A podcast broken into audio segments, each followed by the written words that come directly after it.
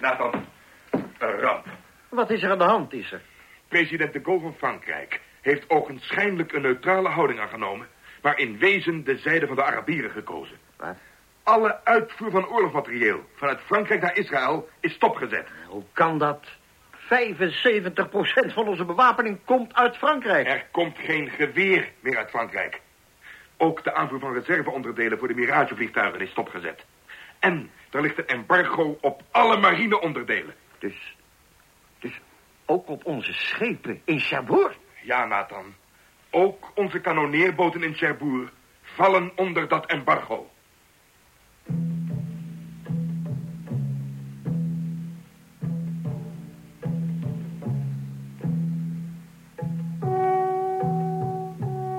De Mossad.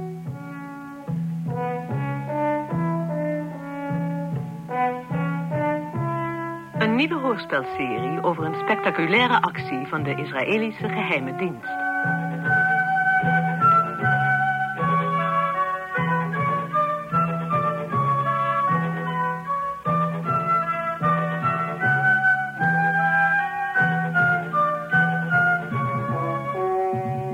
Vanavond hoort u het derde deel, de Ark van Noach.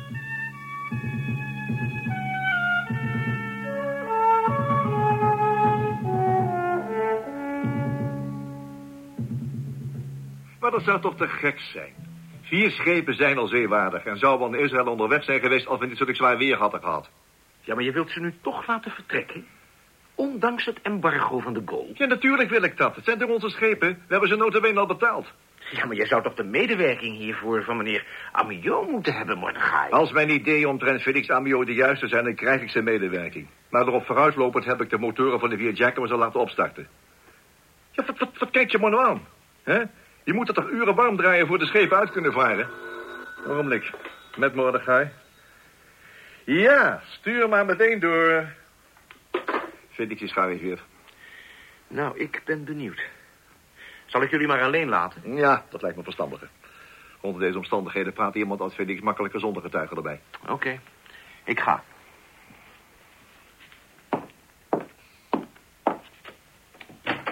Ah, bonjour. Ah, meneer Amiot. Gaat u gang. Kom binnen, Felix, kom binnen. Merci. Zo, ga zitten, ga zitten. Een sigaartje, hm? Graag. Merci. Alsjeblieft. Nou, dat is me wel een bedoeling met die de Gaulle, hè? Och, ja, ik begrijp die man wel. Jij begrijpt die man wel. Ja, natuurlijk. Kijk, je moet bij dit soort zaken altijd objectief trachten te blijven. Israël is een groot vriend van Frankrijk en dat blijven we. Hè? Maar in zaken en in politiek kan het dan soms helemaal niet anders.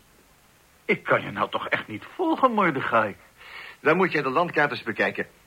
En dan moet jij eens zien hoe groot Israël is en hoe groot bij elkaar Egypte, Syrië, Irak, Iran en Saoedi-Arabië zijn.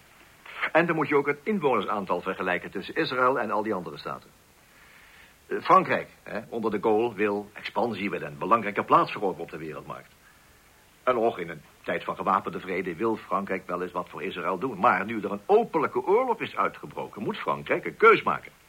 En als de wapenleveranties aan Israël nu niet meteen worden stopgezet... dan is Frankrijk de, de Persische markt, om het zo maar eens te zeggen, voorgoed kwijt. Nou, ik kijk dan nog eens even op de landkaart. Hè. Wat verlies je dan mee en wat krijg je daarvoor terug? Ja, ik, ik vind dat je de situatie met bewonderenswaardige nuchterheid en kalmte opneemt, Mordechai. Verbaast je dat? Nou, verbazen is het woord Ja, maar niet, ik heb toch gelijk, of niet soms? Natuurlijk heb je gelijk. Maar wat moet er nou met het werk aan de haven gebeuren? Dat moet er nou met het werk aan de haven gebeuren. Want we werken toch gewoon door? Maar het embargo dan? Hoor eens, Felix. Politiek is politiek en zaken zijn zaken. Dat zijn twee verschillende grootheden. Door de eeuwen heen heeft de politiek honderden gezichten gehad... maar zaken doen is altijd hetzelfde gebleven. He, dan boycott hier en embargo daar, meestal uh, vele waai om niks. Dan is er weer een of ander staatshoofd of een andere regering. En weldra is alles weer bij het oude. Dan kunnen wij zakenmensen toch geen rekening mee houden. Ja, je hebt gelijk, Mordechai. Je hebt volkomen gelijk. Maar, maar we leven nu in het heden. Wat doen we nu op de werf? Gewoon doorwerken natuurlijk. Er is toch een arbeidsverbod uitgevaardigd? We bouwen gewoon door en we wachten op het ogenblik dat de bakens weer worden verzet. Dat het, het getij weer keert, om een paar zeemansuitdrukkingen te gebruiken. Ja, maar wat doen we nou met de schepen die al klaar liggen? Wilde je die zo lang opleggen? Opleggen? Zeg, ben je nou helemaal? Ze een beetje laten verroesten zeker. Die varen gewoon uit. Ja, maar dat kan nu toch niet? Natuurlijk kan dat wel, Felix. Ten eerste, deze boten behoren niet toe aan Frankrijk. Ze zijn het eigendom van Israël. Ze zijn al voor 100% betaald en officieel aan ons overgedragen. Ten tweede is er een verbod uitgevaardigd op het verscheping van offensieve wapens naar Israël. En iedereen weet dat de Jaguars geen offensieve, maar defensieve oorlogsschepen zijn. Maak het nou, Mordechai. Als ik dit laatste argument in Parijs naar voren zou brengen... dan zou ik hartelijk uitgelachen worden. Dat verzeker ik je. Nee, ik kan in mijn positie moeilijk op eigen houtje mijn toestemming geven... om met deze vier schepen uit te varen. En dan nog eens even wat, Felix. Als het niet zo zwaar weer was geweest... dan zouden ze de vorige week al zijn uitgevaren. Dan had ik jou toch ook geen toestemming hoeven te vragen. Nee, dat niet. Nou dan. Ja, maar ik denk dat de officiële instanties Wat hier... nou officiële instanties, Felix? Als wij een proefvaart houden, dan worden de officiële instanties er ook niet ingeschakeld. Ja, hoor eens, Mordechai, je hebt gelijk in alles wat je zegt. Je hebt gelijk, maar toch zit ik er wel een beetje mee... En dan, om- en dan nog wat. Hoe heb jij het bericht van dat embargo eigenlijk vernomen? Nou, zoals iedereen, uit de kranten, via de televisie. Mhm, Je hebt dus geen officiële opdracht uit Parijs gehad? Wel, nee. Er is toch nog uitsluitend in algemene termen gesproken. En ben jij verplicht om in jouw drukke bestaan altijd de krant te lezen, altijd het, eh, het nieuws te bekijken? Nee, nee, natuurlijk niet. Mag ik jou nou eens een voorstel doen, Felix? Ga vandaag naar Parijs. Op de hoek van de Seine en de boulevard Saint-Michel is een uitstekend restaurant. Ga daar vandaag eens met je vrouw naartoe of met je secretaresse... en eens een keertje uitgebreid dineren. Daar zul je echt geen spijt van hebben. Hè? En laat dan de onderhandelingen tussen de officiële instanties hier in Cherbourg... met een gerust hart aan mij over. Hm?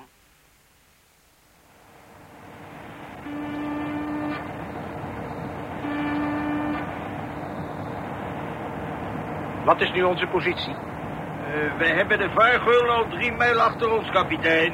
En bevinden ons in volle zee. En hoe staat het met de laatste van de vier? Die bevindt zich op de grens van de vaargeul en de open zee. Geen signalen van de kustwacht? Geen signalen, sir. Geef dan het bericht door aan de drie overige kapiteins. Volle kracht, vooruit. Aye, aye, sir.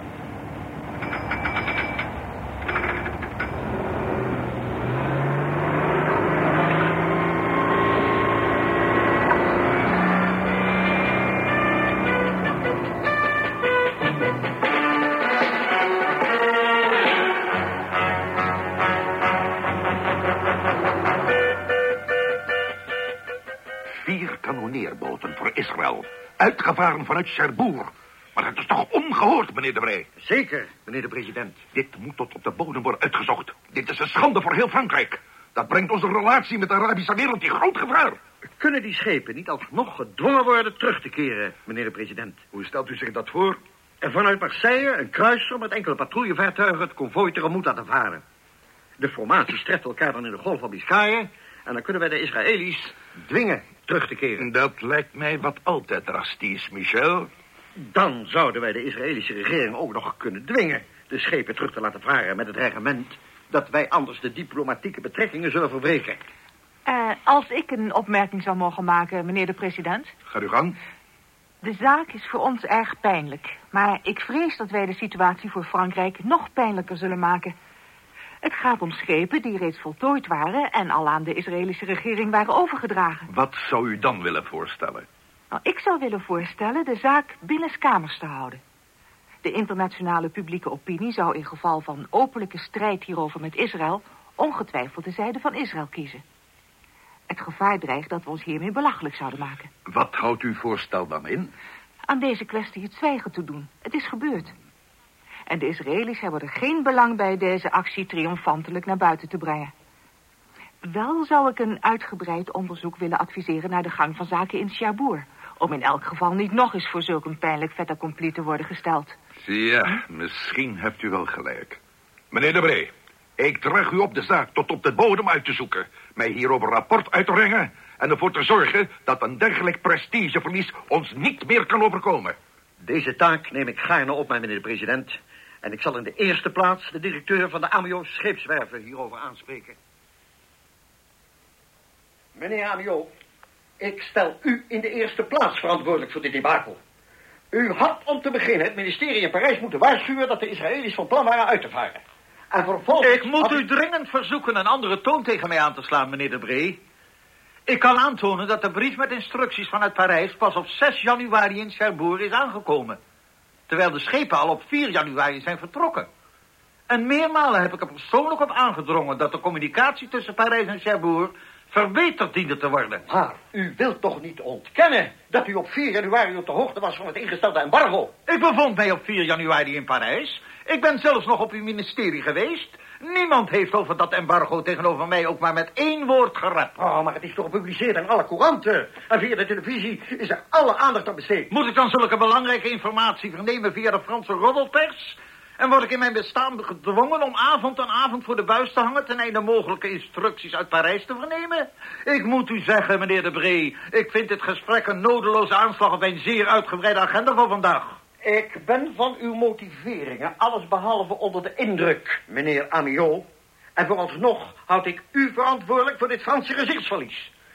Ik zal president de Gaulle dien overeenkomstig inlichting. En intussen draag ik u op zorg voor te dragen dat dit soort incidenten zich niet meer voordoen. Uw opdracht dienaangaande is totaal overbodig, meneer de Bree. Ik heb mijn personeel al instructies gegeven de nog resterende schepen dag en nacht te bewaken. Over hoeveel schepen gaat het nu nog? Over vijf schepen. Ze zijn nog niet helemaal voltooid, maar ze zijn nagenoeg zeewaardig. In elk geval verlang ik dat de afbouw van deze schepen met ogenblikkelijke ingang wordt stopgezet en de toegang van Israëli's tot de scheepswerf ten strengste wordt verboden. Ik draag u dit op uit naam van onze president Charles de Gaulle. U gelieve hiervan goede nota te nemen.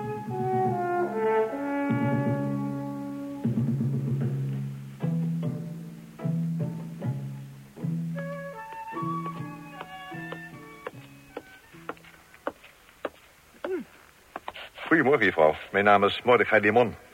Ik ben ontboden door minister Dayan. Ja, de minister verwacht u. Wilt u mij maar volgen? Zeker. Ja? De heer Limon is gearriveerd, excellentie. Ah, Mordechai. Goedemorgen. Fijn dat je er bent. Dank u, mevrouw. Komt u dadelijk koffie brengen? Zeker, excellentie. Heb je een voorspoedige reis gehad? Dat kun je wel zeggen, ja. Vanochtend om negen uur zat ik nog in alle rust aan mijn ontbijt in Cherbourg. En nu ben ik al hier. Je kent mijn overige gasten. Is er Harel. Ja, ik zal Israël niet kennen. Daar is ze. En dit is Esther Stijn, de assistente van Esther. Hoe maakt u het, meneer Limon? Ik herinner mij u eerder ontmoet te hebben. Zij het op een afstand, hoor.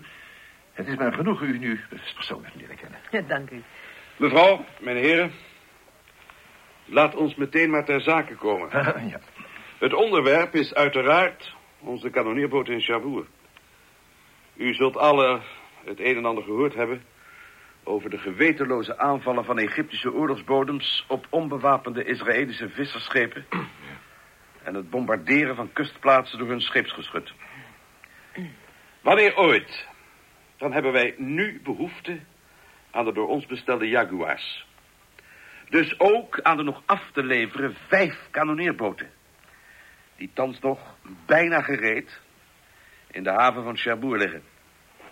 Mordechai, Ja. hoe groot schat jij de kans dat wij die boten door middel van diplomatieke druk alsnog geleverd krijgen? Wel, ik acht die kans bijzonder klein. Om niet te zeggen uitgesloten. Maar het is toch te gek dat de Gold die schepen vast wil houden. Terwijl ze notabene voor de afkondiging van de boycott al nagenoeg gereed waren. En door ons al tot de laatste cent zijn betaald. Natuurlijk is het tot een grof schandaal. Maar met het constateren daarvan komen we weinig verder. Het feit ligt er nu, hè? Het standpunt van de Gaulle ten opzichte van Israël is door de Zesdaagse Oorlog 180 graden gedraaid. In plaats van onze vriend en bondgenoot is Frankrijk nu een verder tegenstander van onze politiek geworden. Wij kunnen deze schepen dus afschrijven. Maar dat hoor je mij toch niet beweren, is er. Ik wil alleen duidelijk stellen dat, zoals de zaken er nu voor staan... diplomatieke middelen absoluut geen enkel resultaat zullen hebben. Er rest ons dus een list. Er rest ons dus een list, ja. Nou, ik zou zeggen, mevrouw Stijn... het uitdenken van een list, dat is uw specialiteit. Ja, verzin is een list. Dat is niet zo'n gemakkelijke opgave, excellentie. En volgens mij in de eerste plaats niet... omdat wij ons met het uitdenken van listen... en andere grappen voortaan wel een beetje gedijst dienen te houden.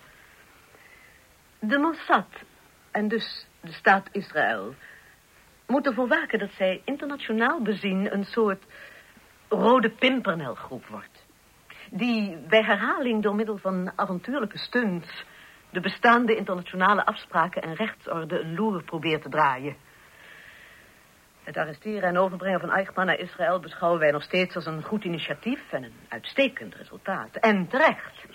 Nochtans mogen wij niet uit het oog verliezen dat wij internationaal aan grote kritiek hebben blootgestaan. Ook van bevriende zijde. Dat we de soevereiniteit van Argentinië danig hebben geschonden. Ik geloof dat wij ervoor moeten waken dat wij internationaal als een soort handige, maar tevens losbandige piraten worden afgeschilderd.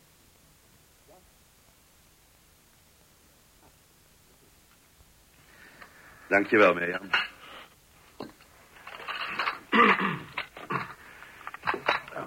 Ja, dank u wel. Dank u. De koffie kwam op het juiste moment om ons te kunnen bezinnen op hetgeen mevrouw Stijn zo even naar voren bracht. Wat is jouw mening hierover, Isra? Tja, het, eh, het is een kwestie van afwegen. De argumenten van Esther zijn terecht en ze wegen zwaar.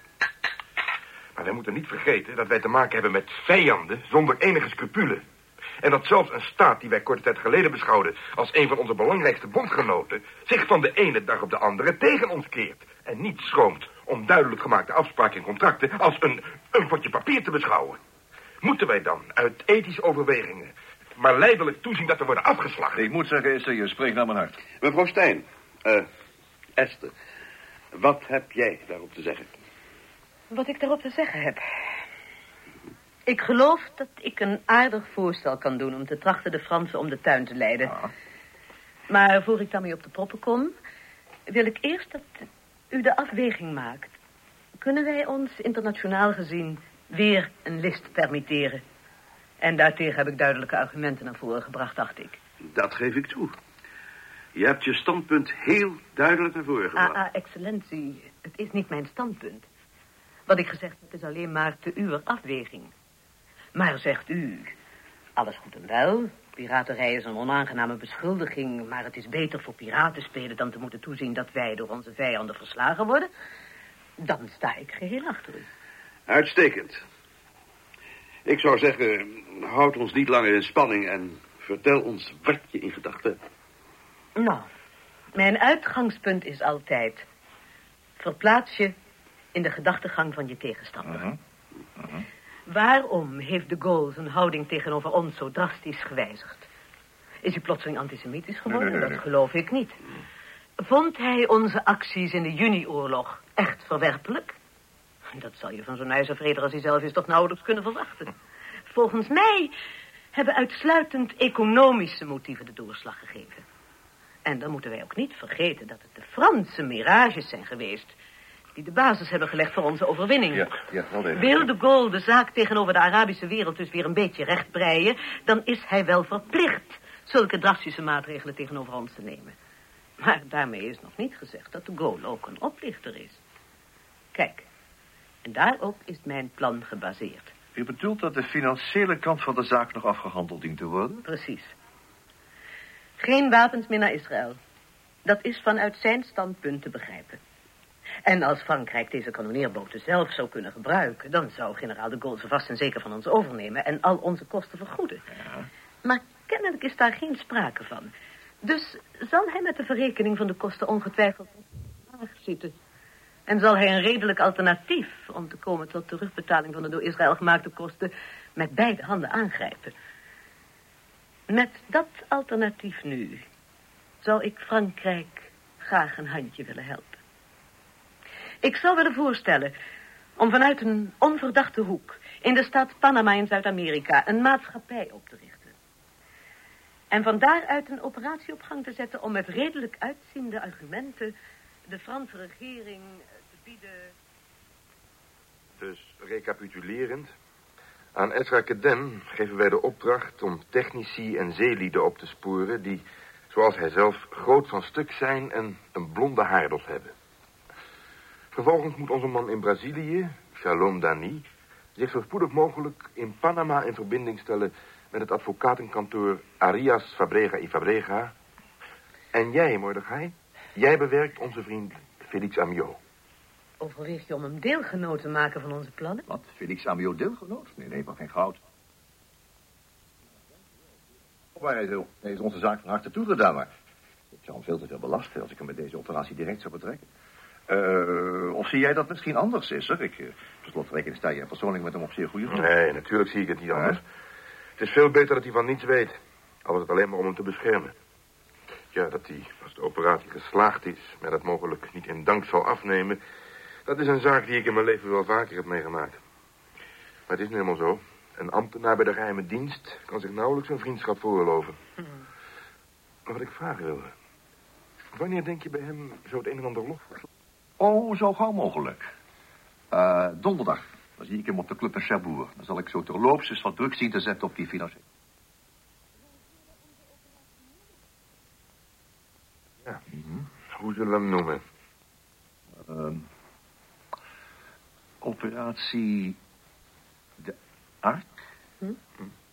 De Ark van Noach? Afgesproken. De ark van Noach.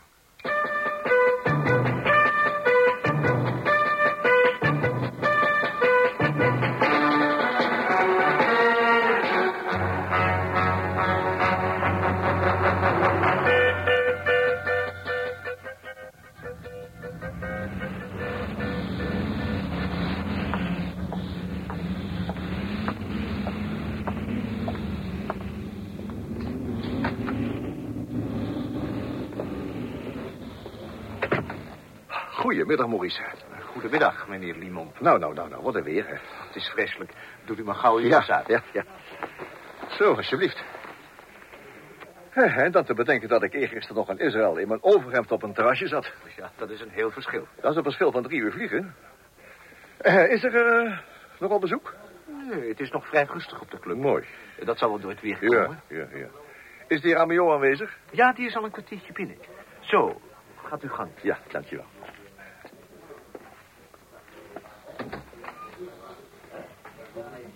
Zo, zo, zo, zo, zo.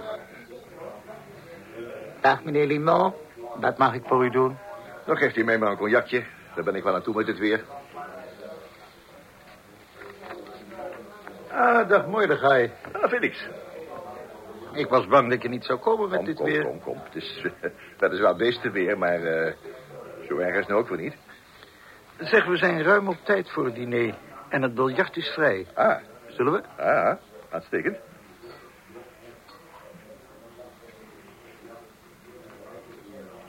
En hoe was het in Israël? Zonnig en 21 graden. Alle mensen. Ja, ja. Ik geloof dat ik maar een werf ga beginnen in Tel Aviv. Dat zou meer dan één reden geen slecht idee zijn. Nou. Begin jij maar.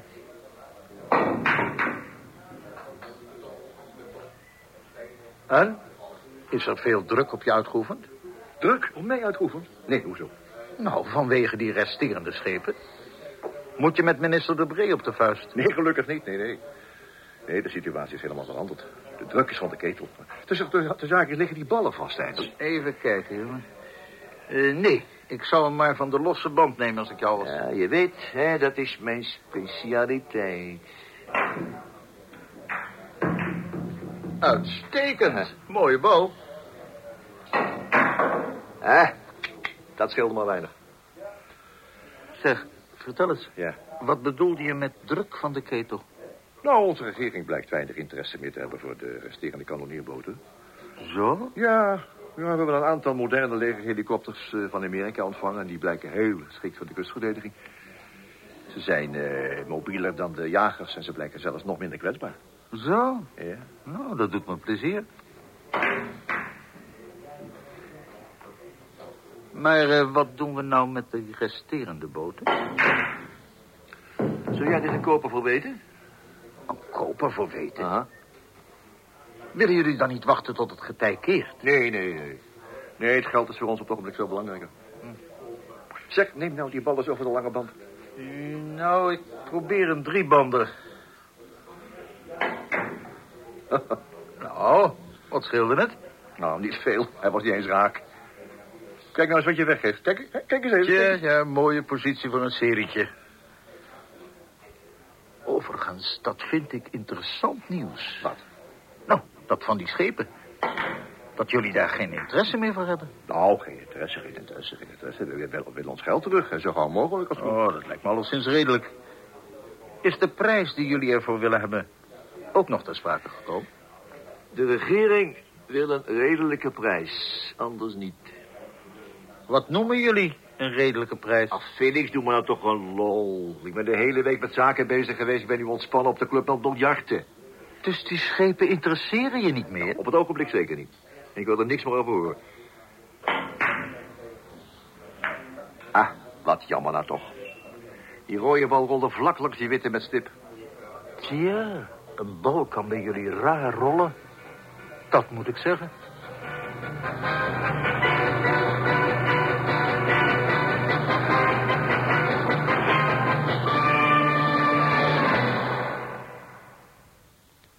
Geluisterd naar het derde deel van onze hoorspelserie over de Mossad.